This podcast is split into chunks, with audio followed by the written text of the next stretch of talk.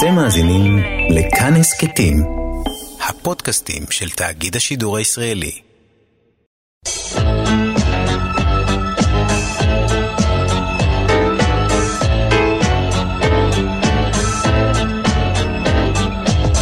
גיבור תרבות הדוקטור דן הרב והדוקטור דוד גורביץ' באולפן עם יונתן גת.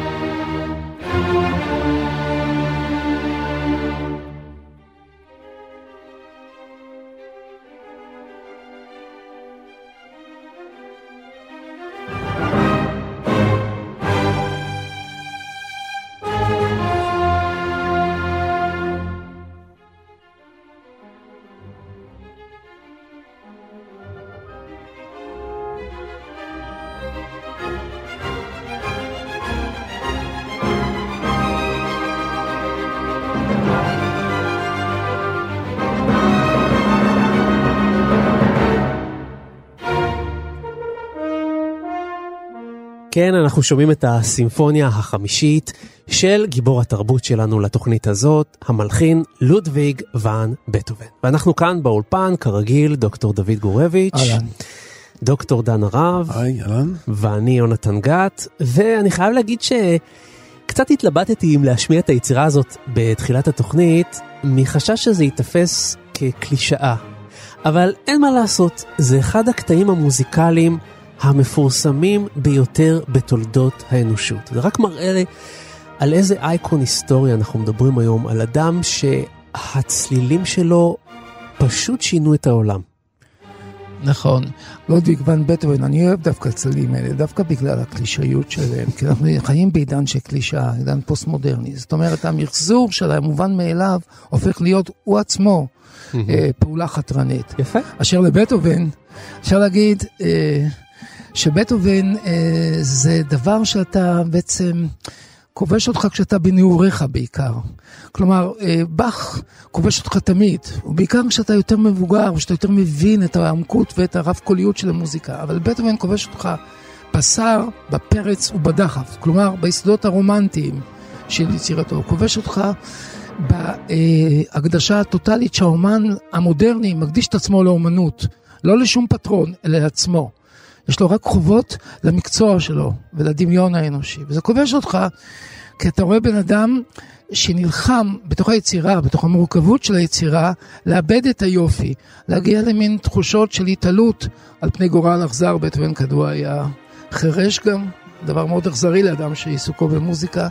ועדיין להגיע לסוג של, אנחנו תמיד אוהבים לזהות עם בטהובן, אפותיאוזה, כלומר הערצת האלים, אפותיאוזיס, כלומר mm-hmm. התעלות. זה המצב החילוני, הדתי ביותר שאני מכיר כשומע מוזיקה.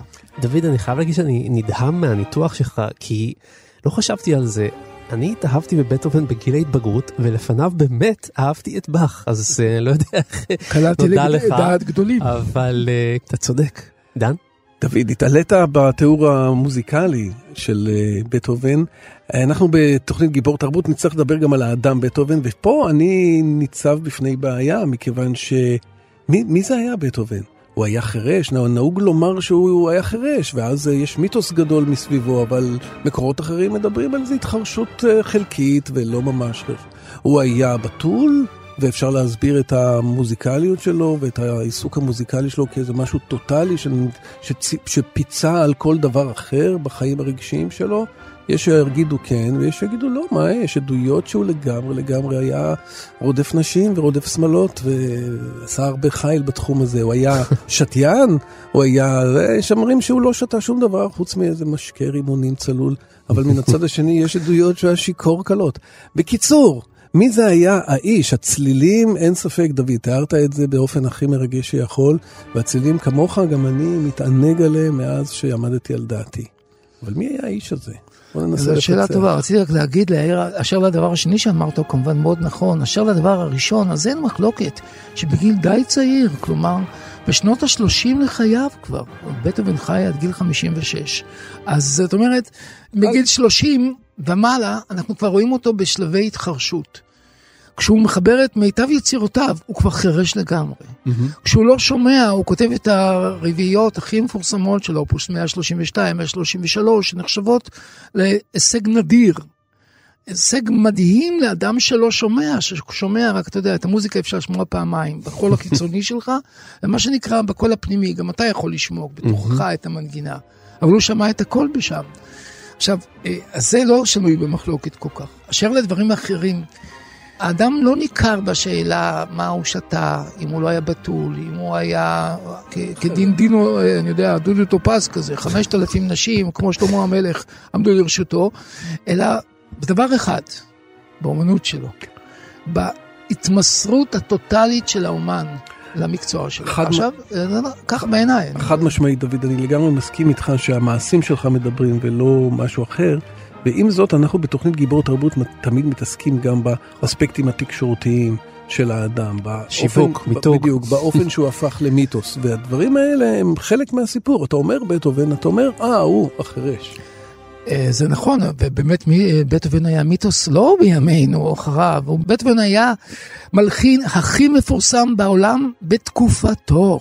כלומר, הוא האומן הראשון שיצא מכדי רעיון של אומן שמשרת מלכים ונסיכים ועובד בתוך מנגנון כזה, כמין אחד, אתה יודע, בעלי המקצוע, והפך להיות בעצם כהן לדמיון הנצחי.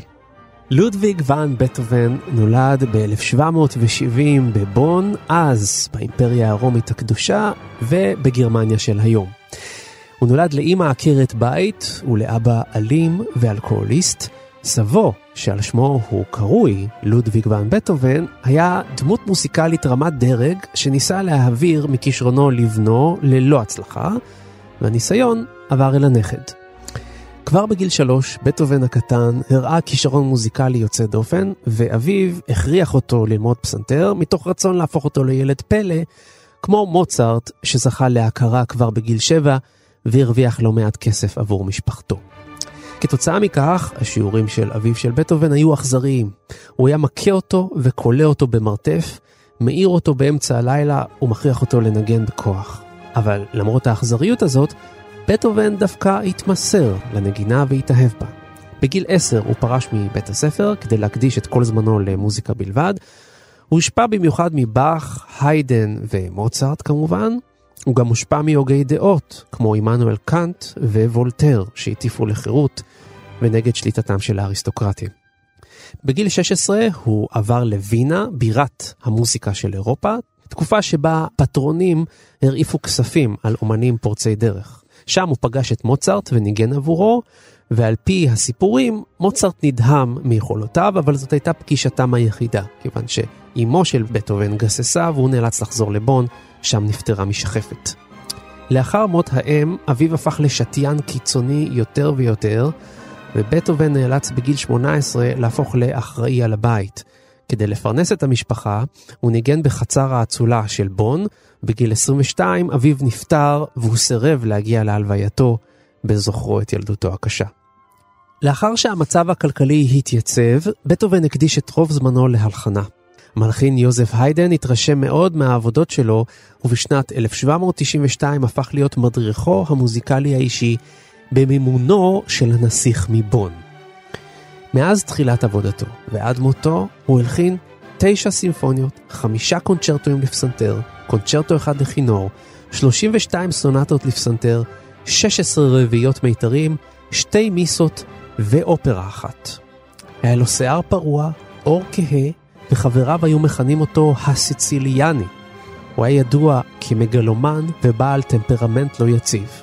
החל מגיל 28, בטהובן החל לאבד את שמיעתו, וכמה מהיצירות הגדולות ביותר שלו נכתבו כששמיעתו רופפת עד לא קיימת, כמו זו שאנחנו שומעים עכשיו ברקע, לא יאומן.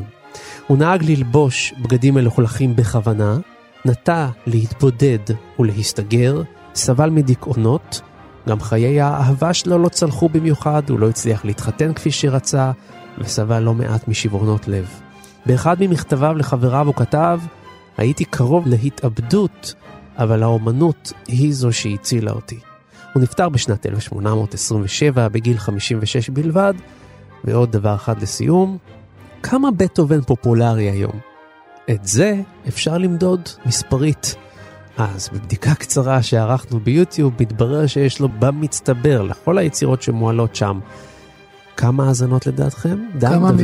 מ... כמה מאות מיליונים. דן, כמה? כמה מיליונים. לא, מאות מיליונים. מאות מיליונים? מיליונים? התשובה יש? היא מעל שלושה מיליארד מיליארד. האזנות.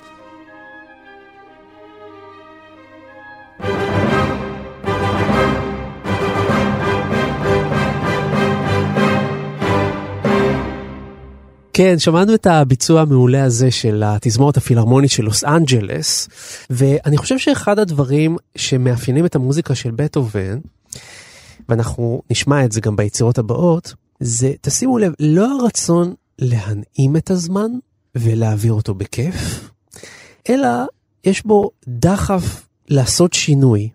יש משהו ביצירות שלו ששואף לתזוזה בתודעה, לתזוזה בנפש. זה לא שימור על הקיים, אלא יש כאן קריאה לקרב, יש פה דרמה. אפילו רצון ליצור מהפכה. כן, בהחלט. אני חושב שהמילה דרמה היא המילה שרציתי להגיד, ואתה אמרת אותה בצורה מאוד נכונה. המוזיקה של מוצרט היא גאונית, ויש בה עומק נפשי, ושברון לב, ועומקים של ייאוש, והכל ביחד. אבל יש בה איזושהי זרימה, ואיזשהו סוג של הרמוניה, של עולם שעדיין הוא שלם. ושים לב של מוצרט, כן. של מוצרט, כן, אני מדבר על מוצרט. אנחנו מדברים על בטהובן ומוצרט שחיו בתקופה דומה, והיו אפילו מתחרים ביניהם. ישנו סרט מפורסם נכון. שמדבר על התחרות בין מוצרט לבטהובן. זו תחרות בין שני אנשים. כאשר בטהובן אה, הוא צעיר יותר ממוצרט ורוצה כאילו לכבוש את מקומו, אבל התחרות היא לא רק בין שני האנשים, התחרות היא בצליל, בצורת הגישה למוזיקה.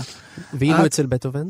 אצל בטהובן המוזיקה היא מוזיקה שיש בה התפרצות רומנטית, שיש בה מקצביות משתנה, שיש בה טמפרמנט שהולך מפיאנו לפורטיסימו, שהולך מ- מייאוש להתפרצות של שמחה אינסופית כזאת, אלוהית של העולם. מרוגע לקטקליזם. כלומר- ומקטקליזם לנונשלנט כן, לפעמים. בהחלט.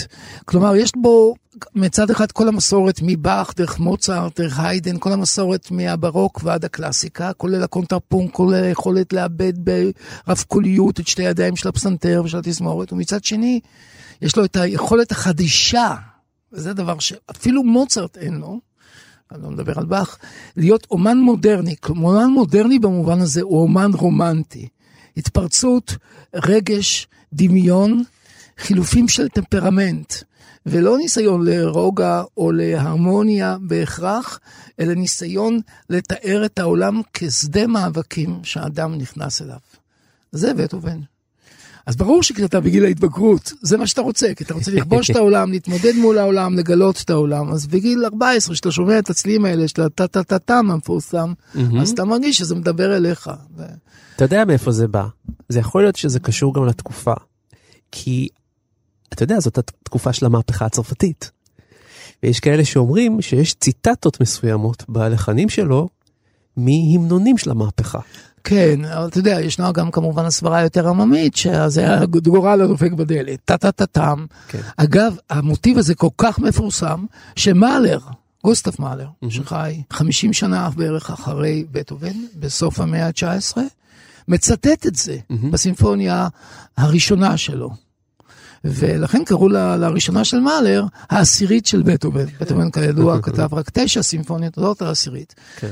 אז ההשפעה היא אדירה. עד היום בטהובן נתפס מבחינת ההרמוניה שלו, מבחינת העיבוד, מבחינת התפיסה של הכוללות המוזיקלית והמורכבות, כמלחין חדשני. כלומר, החדשנות שלו אינה מוגבלת לתקופה. היא חדשנות שבאה 150 שנה אחריו, משפיעה בעצם בצורה הכי רדיקלית על המוזיקה וההתפתחות שלה במאה ה-19 ובמאה ה-20.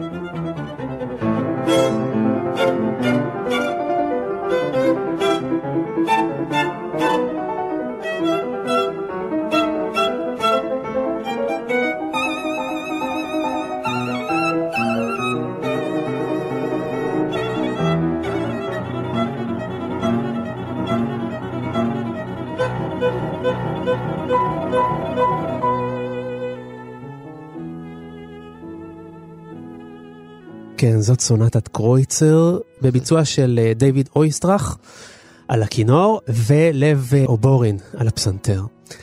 ואני רוצה שתשימו לב לדבר אה, מאוד מעניין. אגב, טולסטוי כתב את הנובלה שלו על הסונטה הזו, סונטת קרויצר. ובמה היא עוסקת? כדאי להגיד למאזיננו שזה, אתה גם תאהב את זה, דני. זה כאילו הגיבור תרבות, מה שנקרא בשר ודם. זה כמובן בגידה בחיי הנישואין. כן. זה הנושא של, זאת אומרת, של היצירה של טולסטוי. אה, שני נוסעים ברכבת, וגם את זה אתה תאהב, כי אתה אוהב נורא רכבות, כמה שידוע לי. מדברים זה עם זה, ואחד מסיח לשני את אה, פרשת הבגידות של חייו, אתה מבין? עכשיו, הסונטה הזאת מאוד מיוחדת, שתשימו לב, אנחנו שומעים כאן מוזיקה קאמרית. זאת מוזיקה קאמרית. זה. מוזיקה, זה מוזיקה לכינור כן, ולפסנתר. ולכ- סונטה זה בסופו של. דבר יש כאן שני כלים בסך הכל. ומצד שני יש בה מופע מלא אפי, גדוש, סיפורים שלמים מסופרים ביצירה הזאת. ובטהובן מצליח בשני כלים, בסונטה אחת, בעצם לפנות לקהל של אולמות ענקיים, עם הדבר הקאמרי הקטן הזה. מפני שהדבר הקאמרי נפתח בגרנדיוזיות, ולכן הוא יכול לפנות לעולמות הגדולים. הוא לא נפתח בכל... הוא נפתח במין אה, הצהרת כוונות גרנדיוזית של האומן שעומד מול העולם. הוא שוכח בכלל את הנושא, וזה זה אני, אני המוזיקלי, טה-טה-טה-טה. ואחר כך, אחרי שהוא מציג את הנושא הזה בגרנדיוזיות כזאת, אז מתחיל הסיפור של הגורל להתגלה, טה-טה-טה-טה-טה-טה-טה-טה-טה-טה, ושוב חוזר טאם, טאם, מה שהוא התחיל בהתחלה. ושוב טה-טה-טה וטה-טה-טה וטה-טה-טה, אבל זה לא נפסק, אתה מבין? הטה-טה-טה, זה כמו טה-טה-טה-טם, אותו דבר, טה-טה-טה. כלומר, המוטיב הריתמי שמשתלט על המנגינה, ולא רק היסוד המוזיקלי, כלומר, הצלילי שמשתלט על המנגינה. וזה כל הפרק. אלא גם במובן הסיפורי. זה נורא סינוסאידלי. זה עולה לגבהים, זה יורד למצולות, זה לוקח הפסקה, זה חוזר למרתון, עובר לספרינט. אתה מתאר את זה כאילו זה מופע אולימפיאדה, אבל זה מוזיקה. כן, נכון. בסדר, אבל מבחינת הקצב, אבל תמיד זה כמו קצב. שדר ספורט אתה מדבר. אל תשכח שתמיד אנחנו מדברים על קצב. לא, בסדר, נכון, זה, נכון גם התיאור הזה, שזה ממריא קודם למעלה ואחר כך יורד ככה למעמקי הגיהנום, משהו שטני כזה, חופר וקצת נכנס לתוך הדמיון הזה. מין מוזיקה תוכניתית כזאת מתחילה להיות. הייתי אומר, זה מתחיל מהסוף, כלומר מרגע ההתמודדות והדו-קרב הגדול עם הגורל, עם הטה-טה-טה-טם, עם ההצהרה הגרנדיוזית הזאת, שזה כאילו לכאן, לחיים ולמוות, ואז זה מתחיל מה שנקרא, בואו נתחיל בהתחלה את הסיפור. מה זה?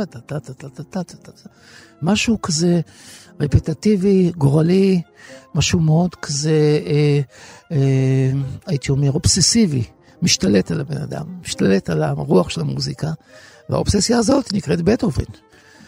אין אובססיביות כזאת במוזיקה של מוצרט. מוזיקה של המוצרט היא מושלמת יותר מהמוזיקה של בטהובן, במובן שהיא לא מוכנה להצהיר על הקוצר הרוח שלה, על הפגימות שלה, על התשוקה שלא באה לידי סיפוק, אלא היא מסופקת, היא... מתענגת על החיים. מתענגת על החיים, מתענגת גם על הדרמה ועל הכאב, על המוות, דמעות וצחוק, הכל מעורבב ויוצר הרמוניה אחת מושלמת.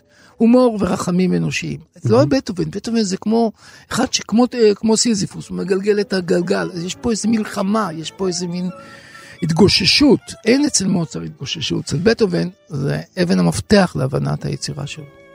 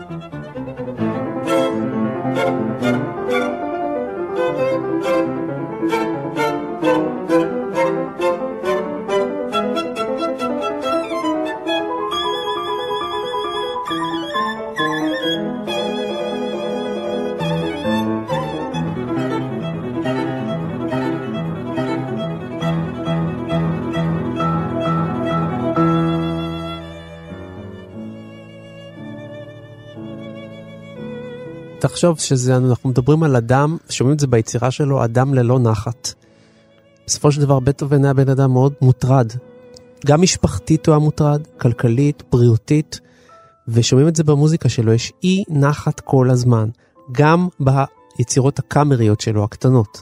תראה, היסוד המרדני הזה של בטהובן, הוא היסוד הרומנטי שבתוכו, mm-hmm. שאתה קורא לזה היסוד המהפכני.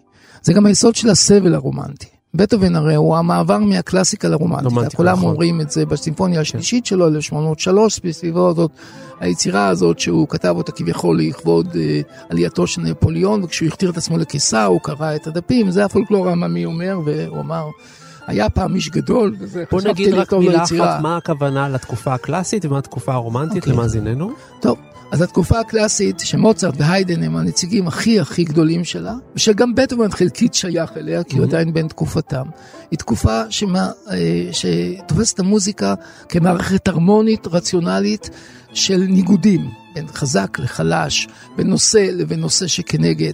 היא מתאפיינת בצורות מסוימות וסגורות שבהן אתה כותב מוזיקה, עובר מסולמות לסולמות ובחוקים מוזיקליים שמייצרים את היופי ואת ההרמוניה האנושית. Mm-hmm. בתפיסה הקלאסית. בתפיסה הרומנטית, המוזיקה יותר אידיוסינקרטית, כלומר יותר אישית, כלומר מאפשרת לך התפרצויות, מאפשרת לך לצאת מהמבנה. מה שמאפיין את הקלאסיקה זה המבנה. כן. מה שמאפיין את הרומנטיקה זה הפרץ והדחף, הסערה. כן. אגב, לבית בן יש את אחת הסצנות הכי הכי מדהימות, זה נקראת הסערה. אז הסערה היא האלמנט הבולט ביותר של המוזיקה הרומנטית. דבר שני, הסבל הרומנטי, שאתה הזכרת. לכן אני אומר שהסברתי את המושג סבל שאתה דיברת עליו במושגים רומנטיים. כן. בתפיסה הרומנטית, הסבל של האומן זה הדבר המרכזי שהוא צריך להציג ביצירה שלו. Mm-hmm. הסבל שלו בחיים, אבל לא רק הסבל בחיים, הסבל שלו שהוא נאבק עם החומר עצמו. נאבק כדי ללטש אותו, לתת לו צרורה, ליצור בו את האיזונים. זה כמו פסל שהוא לוקח אבן ורוצה להוציא מזה יופי, טורסו, כזה, מיקלאנג'לו כזה. אז הרומן הרומנטי תמיד נמצא במאבק טיטני. ודבר שלישי, הרומן הרומנטי רואה את עצמו כסוג של נביא לאנושות. זאת אומרת, מין מחוק, הרומנטיקאים ראו את עצמם כמחוקקים הנסתרים של המין האנושי. כאילו, הפוליטיקאים, אנחנו יודעים מי מהפוליטיקאים מייצרים את החוקים לעכשיו, לעוד שנתיים, לעוד חמש, לעוד עשר, אבל הרומנטיקאים והמוזיקאים והאומנים וזה מה שהתפיסה הרומנטית של המוזיקה, מייצרים את החוקים הנסתרים של הנשמה, של הרגש, של עולם הדמיון שלנו. האם לא שם חי האדם? שואל הרומנטיקאי את עצמו, ובטמן שאל בדיוק את השאלות האלה. לכן, הוא האומן המודרני-רומנטי הראשון, הוא בעצם פתח למודרניות של המאה ה-19 והמאה ה-20. ולכן, הוא פחות ישן ממוצרט אפילו, שאני כבר לא מדבר מבאך, בלי להוריד mm-hmm. מגדולתם, זה לא עניין של אה, השוואות, זה נראה טפלין טיפשי מי יותר גדול. בטהובן הוא של עכשיו. מוצרט הוא בכל זאת שייך למאה ה-18, למאה של הנאורות, למאה של התבונה, למאה של המרד באדונים, המרד של המהפכה הצרפתית וכיוצא בזה. בטהובן גם למהפכה הצרפתית וגם לרומנטיקה שבאה אחריה.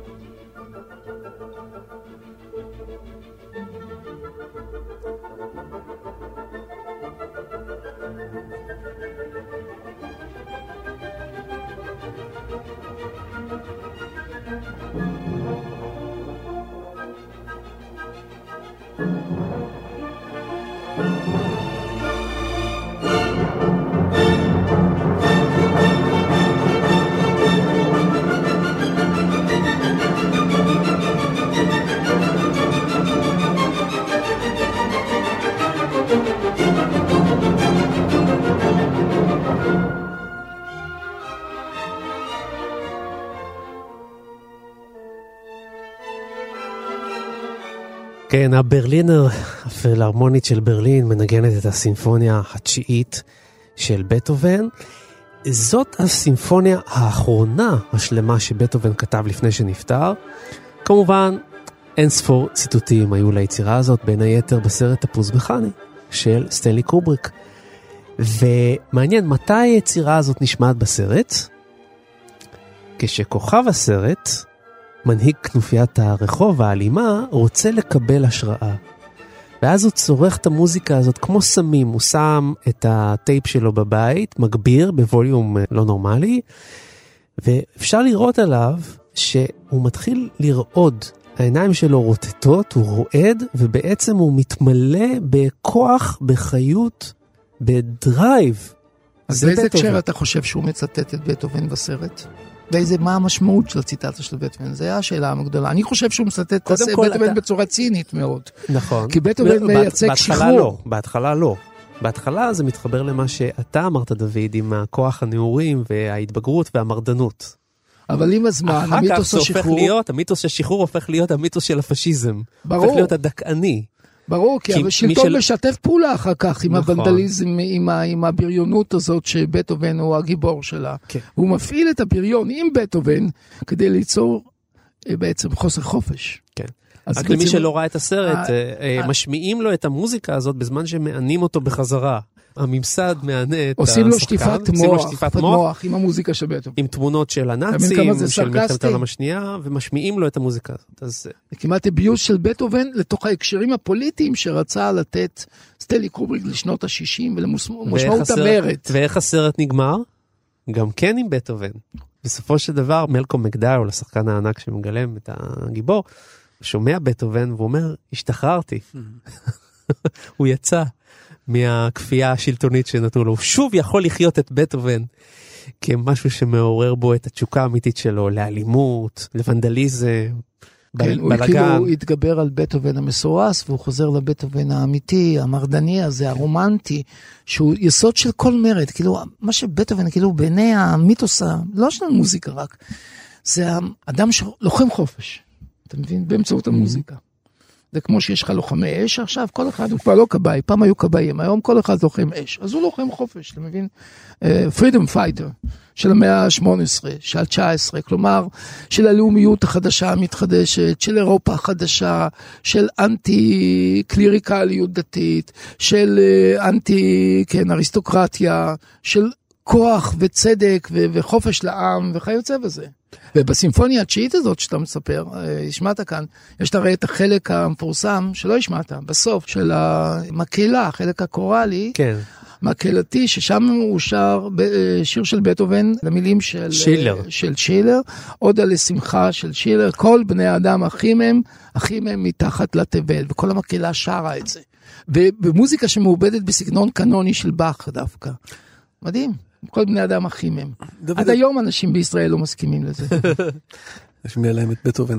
דוד, אתה חייב ליישב לי את הסתירה הזאת. קודם שדיברנו על המוזיקה כביטוי של הלכי הנפש ולתת מודע האישי, אתה קצת נרתעת מה... מההלימה הזאת שאנחנו מנסים לעשות בין הדברים. זיהוי פשוט כזה בין ומצד כן, שני אתה מדבר בביטחון עצום על המוזיקה כמשקפת אידיאולוגיה, הלכי רוח חברתיים, היסטוריים, תרבותיים. אין, אין אה, בעיה עם הביטחון הזה שבו אתה מייצג אה, יצירה ספציפית של בטהובן ודרכה תופר סיפור תקופתי שלם? אתה לגמרי צודק, את הכוכבית יש להפעיל נגד עצמי. זה הכל, כלומר, הכוכבית ששמתי קודם נגד אה, אה, השוואה פשוטה מדי ואחד לאחד בין חיים לבין המוזיקה. צריך להשקיף על זה גם כן בנקודת מבט כזאת, גם על התפיסה הזאת של בטהובן כלוחם חופש. אבל אני אומר שבעיני ההמונים, כמיתוס להמונים, הוא ככה הוא מצטייר, אתה מבין? יכול להיות שזה לא נכון, אבל בטח זה נכון לחשוב שבטהובן בדמיון העממי, זה האומן כן, הגאון שהקריב את עצמו למען האנושות, כן. משהו מהסוג הזה. כן. לכן הוא גיבור, מגה גיבור, בכל מובן, כי תמיד גיבור כן. תרבות באיזושהי צורה עושה משהו יוצא דופן למען משהו, למען מישהו. כן, אז זה משקף בעצם את הסיבה שלדעתך קובריק בחר בו כפסקול הקטעים האלה שדיברנו, אבל זה בוודאי לא אומר שהוא היה באיזשהו אופן משרת של השיטה באותה תקופה. בוודאי שלא. נציג של... לא, בכלל הוא לא היה, להפך. הוא היה מרדן, נגיד הוא היה רואה את הקיסר רוכב בסוס, והוא היה רואה גתה, הזדמן עם בטהובן, ויחף שם אחד הקיסרים ברומא. כולם הורידו את הכובע וסטו מהדרך. בטהובן נעמד ככה. כמה שהוא היה קטנצ'י ככה נעמד עם השערות שלו, ולא נתן לקיסר לעבור. כאילו הוא אומר, תכיר בי, אני גאון, אני אומן, אני אדם פרטי, אין לי תואר אצולה, אבל אני שווה לו אה, פחות ממך, היה, הוא, היה. הוא היה אומר לפטרונים שלו, כמוכם יש אה, הרבה, בטהובן יש אחד. הוא לגמרי צדק. אני רוצה להבין מאיפה אתם מביאים את הנתונים האלה. יש כאלה כל מיני אנקדוטות אני כאלה. חייב דני. לגלות שאני קראתי ביוגרפיה בת 550 עמודים על אה, בטהובן. עכשיו אדם עשה שיעורי בית, אתה יכול לסמוך עליו. תראה, אה, אה, כמובן שאין לזה תיאור, אתה רואה. יש לו מכתבים, יש לו, יכול להיות שהדברים הם אתה לא יודע, יש כל מיני מדויקים. אמרות כנף כאלה, גם נכון, לגודר נכון. מיוחסות, אין ספור. אתה לא יודע מה נכון. האמת ומה הבדיה, מה המיתוס ומה זה. אבל בוא נגיד שהמגמה די ברורה לגבי המגלומניות של בטהובן. כן, הוא ראה את עצמו ללא ספק, בן אלים. כמשיח בין אלים, ומשחרר, משחרר האנושות. עכשיו, זה דמיון פרומטאי, כמו פרומטאוס, כן? שזה בא, מביא את האור לבני אדם, גנב את הלפיד ונתן אש לבני אדם, גונב האש. בטהובן הוא גונב האש. עכשיו, זה הדמיון העממי.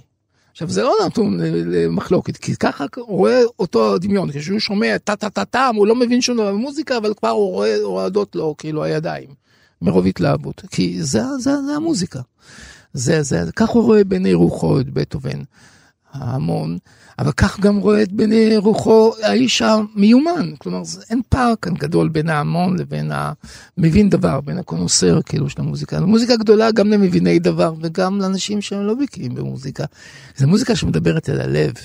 למי שיש לו לב, אז יש לו בטהובן. מי שאין לו לב, שום מוזיקה לא תדבר אליו.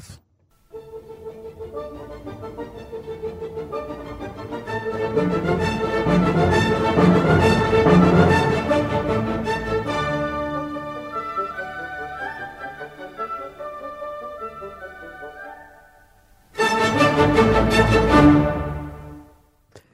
כשקובריק לוקח את המוזיקה הזאת לסרט שלו, וקובריק אנחנו יודעים שהוא היה קפדן מעין כמוהו, הוא היה בוחן כל דבר בזכוכית מגדלת, והוא לא סתם בחר במוזיקה הזאת של בטהובן, אני חושב שהוא עלה על הדואליות של המלחין הזה, שמצד אחד יכול להתפרש מאוד פשיסטי, ומצד שני יכול בדיוק להיות בכובע ההפוך לו, דווקא המרדני, נגד השיטה. מאוד, ייתכן מאוד.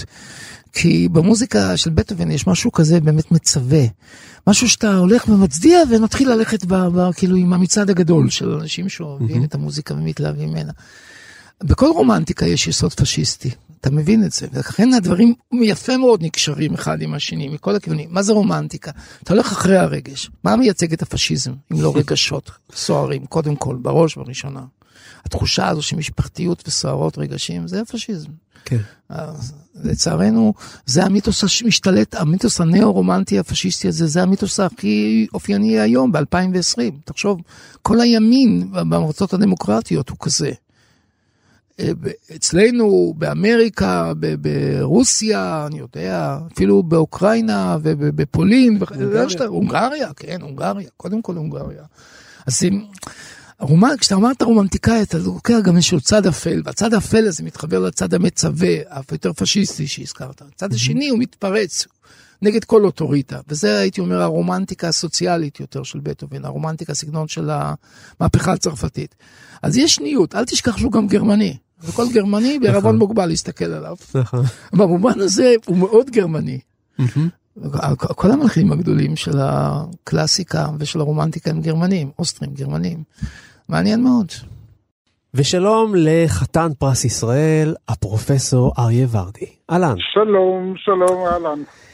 אריה, אני רוצה לשמוע ממך, איך היית מאפיין את היצירות של בטהובן? אם היית צריך לתת כותרת לכל היצירות שלו, מה היית נותן?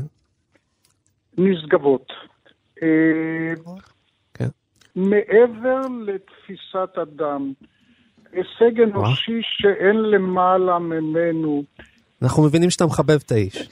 אה, אתה יודע, אה, אתה חושב לעצמך דבר כזה, הוא גומר לחבר את האפסיונטה והוא יושב ומחבר את הקונצ'רטו מספר 4. כן. ואז הוא גומר את זה והולך ו- ואין אפס, זה אחת אחרי השנייה ואחת יותר טובה מהשנייה, והוא קם בבוקר ויושב ליד שולחן הכתיבה שלו, עושה את היומית, המון שעות כל יום, והכל בהשראה, זה לא שיש עבודה שחורה, זה, זה הכל פשוט נפלא. זה במהלך נשגב כזה, באמת, אה, אה, אני זוכר שקראתי פעם בתורה, בתנ"ך אפילו, שמי שמנגן אז כאילו אה, יד אלוהים עליו, אז זה בטהובן. לגמרי נכון, אני חושב שבאמת אה, דיברנו ברוח הדברים הזאת שלך, כאילו, אה, רציתי לשאול אותך, אבל בעניין הזה, אה, זה נכון שהמוזיקה שלו היא נשגבה ועוצמתית ובצורה לא רגילה, ובעצם יש בה את כל הקשת הדברים, אבל האם זה לא נכון גם לחשוב שבטהובן כתב המון טיוטות? כי אתה אמרת שהוא כתב הכל במכה הראשונה, כאילו במהירות עצומה, בניגוד למשל למוצרט, שכמעט ולא כתב טיוטות, או הרבה פחות, האם זה נכון? אה, זה מדויק מאוד, ותהליכי היצירה של כל אחד מהחבר'ה הללו הם באמת ייחודיים ושונים. שומן היה מכין איזה דף אחד, שזה היה כמו אירוגליפים, אף אחד לא הבין אותו, ומזה הוא כתב כבר את כל היצירה. אצל מוצרט זה היה כתוב למעלה בשחקים, ולא היה צריך להכין כלום. בטהובן היה עובד עם טיוטה, בהחלט. לפעמים הוא גם היה יוצא להליכה ברגל, וכאשר הוא היה הולך ברגל הוא היה מגבש כמה רעיונות, ואז רץ מהר הביתה, מתיישב שוב אל שולחן הכתיבה ומעלה אותם, וכשאנחנו מסתכלים בספר הסקיצות והטיוטות שלו, אנחנו באמת רואים שהוא עבד הרבה מאוד עם הנייר. הוא עבד הרבה על הנייר, הוא גם היה מאלתר בחסד עליון. הוא היה יכול לחבר את הכל בשלוף, אבל הוא היה כל כך יסודי וכל כך אחראי, והייתה לו גם תחושה של אחריות היסטורית, הוא ידע גם שלימים כולם הוקירו אותו והעריכו אותו, וכל צליל שיצא מתחת ידיו, היה צריך להיות באמת כהוכחה שהוא אלוף העולם, אלוף המלחינים. זה לא סתם שתשאל אה, כל אדם מי הוא המלחין הגדול אה, מכולם, אז אנחנו כולנו מעריצים את שוברט ואת מוצרט ואת באך וכולי, אבל יגידו בטהובן. מעניין, אני חשבתי שאתה תגיד שיש אולי מחלוקת בין מוצרט לבטהובן, אתה אמרת חד משמעית בטהובן. תראה, בכלל, וזה חתן פרס ישראל, צריך לא, להחשיב לא, את זה. לא. כן. זאת שגיאה גדולה מאוד להחליט מי הכי טוב, ואנחנו לא בקטע של מי הכי טוב. נכון. גם אתה לא יכול להחליט מי יותר טוב, רובינשטיין או הורוביץ. אבל זה לא כיף לפעמים. זה כיף לפעמים.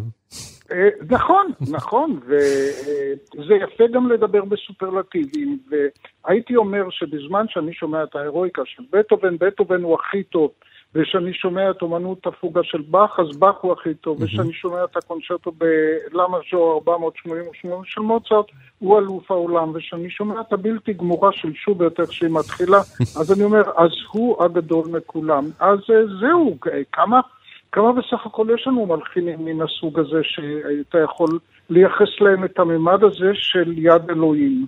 אנחנו כולנו פה מהנהנים בהסכמה באולפן, אתה לא רואה, אבל אנחנו כאילו מסכימים אנחנו איתך. כאילו מדברים באותה לשון פחות או יותר. אבל אב- אריה, רציתי לשאול אותך, אתה גם מרגיש כמונו למש... שלגבי בטהובן, יש איזשהו חוסר נחת בלחנים שלו, יש רצון לצאת למאבק, או לשנות את העולם, בניגוד אולי למלחינים אחרים, בטח באך או מוצרט, יש בו איזשהו רצון לקום ולעשות מהפכה. אתה גם חש ככה? בגדול אתה צודק לחלוטין. בוודאי שאם נתחיל לחפש יוצאים מהכלל, אז נמצא את הכוחות האלה גם אצל באך וגם אצל מוצרט, ונמצא גם אצל בטהובן יצירות אחרות שמשלימות עם המציאות. כן. ויש בהם הרבה כניעה והרבה אהבה והרבה רכות. אה, אני לא רואה את הרצון לשנות את העולם, מי שכתב את הפרק הראשון של אל ירח, או את פירליזה המפורסמת. נכון. אה, אבל בגדול אתה צודק לחלוטין, בטהובן היה מורד ומהפכן, בטהובן גם היה חי בתקופה של נפוליאון. אתה בטח יודע שבמהלך חייו אה, נפוליאון החזיק את, את וינה כמה שנים. הוא היה עד להתרחשויות אה, עולמיות אה, אדירות. דבר שלא קרה למלחינים אחרים במהלך חייהם, וחוץ מזה, בטהובן נאבק בגורל שלו. אנחנו כולנו יודעים את זה, אלה כבר כמעט קלישאות, אבל אנחנו מדברים על איש חירש, איש שכתב צוואה מרגשת ומפחידה בגיל 31. כן. אה, איש שמצד אחד קיבל את מתנת האלוהים הגדולה ביותר, ומצד שני את נלקחה המכה ממנו. הנור- כן, כאילו זה נלקח ממנו כביכול. כן, את המכה הנוראה ביותר שיכולה להיות. איש שנלחם על הבדידות שלו, כי הוא ידע שרק כשהוא יהיה איש בודד הוא יוכל ליצור את זה, הוא הבין איזה כוח עצור בתוכו, ולכן הוא גם ישב כל יום אל שולחן הכתיבה כמי שבאמת איזה שד כופה עליו לעשות את זה. אז מצד אחד הוא נלחם על הבדידות והעצמאות שלו, ומצד שני הוא היה צמח חברה, והוא חיפש, אה, אה, הוא חיפש את האישה שתאהב אותו. הוא, הוא, הוא באמת רצה את זה, ו, וברגע שהיה נדמה לו שהוא מצא, אז הוא, אז הוא כבר ברח ו, וטרף את הקלפים. כן. פרופסור, דיברנו על שוברט בזמנו שהיו לו חיים קשים. אנחנו מדברים על בטהובן שיש לו חיים קשים. אז מה, צריך להיות אדם עם אה, ילדות אומללה כדי להיות מלחין גדול שייזכר כמה מאות שנים קדימה? אה, סליחה כן, שאני לוקח אבל- אותך להיות פסיכואנליטיקה. זו שאלה נפלאה. מלחינים מאושרים אה, כמעט ולא היו כאלה, וגם, וגם אם היה מאושר אז הוא היה אומלל. זה כמו שאמר אותו פילוסוף, איש לא הבין אותי, והיה לי פעם תלמיד אחד שהבין אותי, אבל גם הוא לא הבין אותי. אז, הוא, אז, אז, היה, אז היה מלחין אחד מאושר, אה, מנדלסון, אז אה, גם הוא היה לא מאושר. כן. והאם באמת אה, עושר, אה, בורגנות ועושר יכולים להוליד אה, מלחינים טובים? אה, כן, זו שאלה, שאלה פתוחה ביותר, ואני חושב גם שזה יכול להוביל לעוד שאלה משנית מעניינת. זה למה יצירות עצובות הן יותר יפות מיצירות שמחות? או, זו תוכנית שלמה. כן. כן, למה אנחנו כל כך אוהבים מוזיקה עצובה? מה יש בשירים העצובים האלה שהם כל כך שובים את הלב שלנו, ו- ולמה... יש לי תשובה, אז מה יש היית לי אומר? תשובה. מה היית אומר? אולי נחמה? אולי זה נותן לנו נחמה? לא, אני חושב להפך, אני חושב, אולי יש סוג של נחמה, אני חושב שמוזיקה עליזה נתפסת לנו כמוזיקה של היום-יום, של החיים עצמם, וזה לא מרגש אותנו כי אנחנו בתוך החיים, לעומת מוזיקה עצובה מביאה אותנו לאותו מקום שאתה הזכרת במילים הראשונות שדיברת, אה, הנשגב, ה- ה- תחושת האינסוף, הנשגב והמוות היא תמיד מרגשת אותנו, יותר מהיום-יום העליז שמקיף אותנו. לדעתי זאת התשובה, מה אתה אומר? אה, אני כל כך קונה את זה, ואני גם הייתי מוסיף עוד דבר אחד, שכל המוזיקה היא בעצם על אהבה. Mm. ואין יצירה שאין בה אהבה. אתם אמרתם הקונצ'רטו הרביעי רומנטי. כן, הוא באמת רומנטי, אבל הוא גם מלא אהבה, וגם היצירות האחרות של בטהובן. כל המוזיקה היא רומנטית. מוזיקה היא אומנות רומנטית, והיא אומנות אוהבת. וכנראה שגם באהבה אין אהבות שמחות. ו- כמו שאמר ברסנס.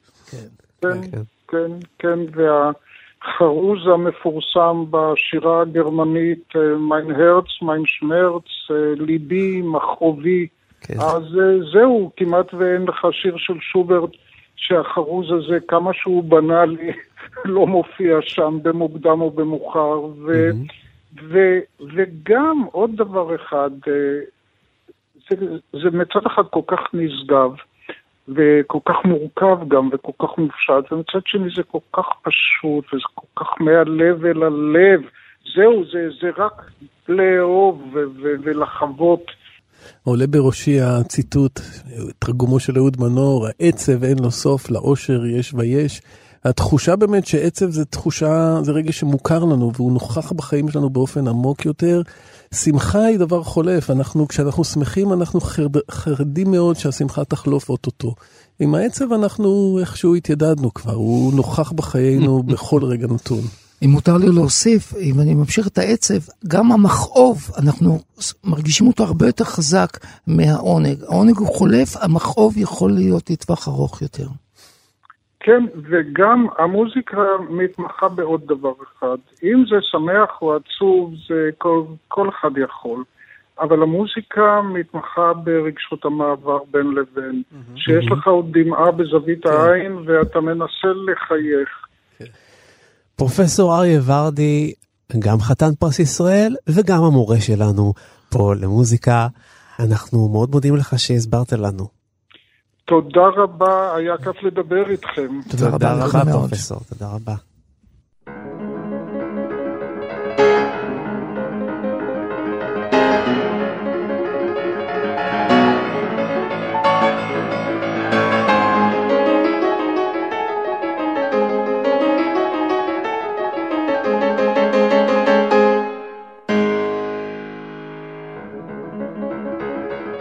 סיימנו, אבל זה לא הכל, כי לגיבור תרבות יש עוד עשרות תוכניות ששידרנו עד היום, וביניהן גם על המלחין פרנץ שוברט ועל הפסנתרן הדגול גלן גולד. אתם יכולים למצוא את שתיהן באפליקציה שלנו שנקראת פשוט כאן, או בכל אפליקציית פודקאסטים אחרת שאתם מעדיפים. אתם מחפשים את גיבור תרבות, וכל הפרקים יחכו לכם שם.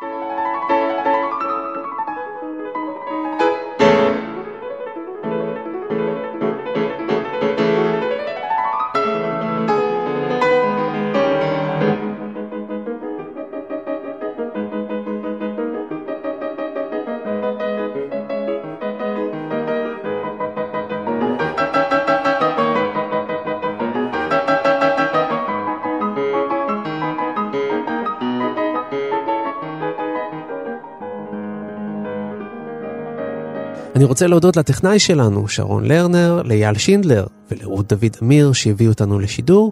תודה רבה לגלי ויינטרוב שסייעה לנו בתחקיר. תודה מיוחדת לאורי גולומב, עורך ומגיש בכאן כל המוסיקה שסייע לנו בהכנת התוכנית. תודה רבה לחתן פרס ישראל, הפרופסור אריה ורדי שהיה איתנו, וכמובן, תודה רבה לחברים שלי כאן באולפן, המאסטרו דוד גורביץ'. וואלה, תמיד חשבתי שאני צריך להיות מנצח גדול, אבל הנה, אתה הראשון שקורא לי בשמי האמיתי. ולקאפל מייסטר אוקיי. דוקטור דן הרב. יפה מאוד. אני הייתי יונתן גת, ואנחנו ניפגש בשבוע הבא עם גיבור תרבות נוסף. ביי ביי. להתראות. ביי, להתראות.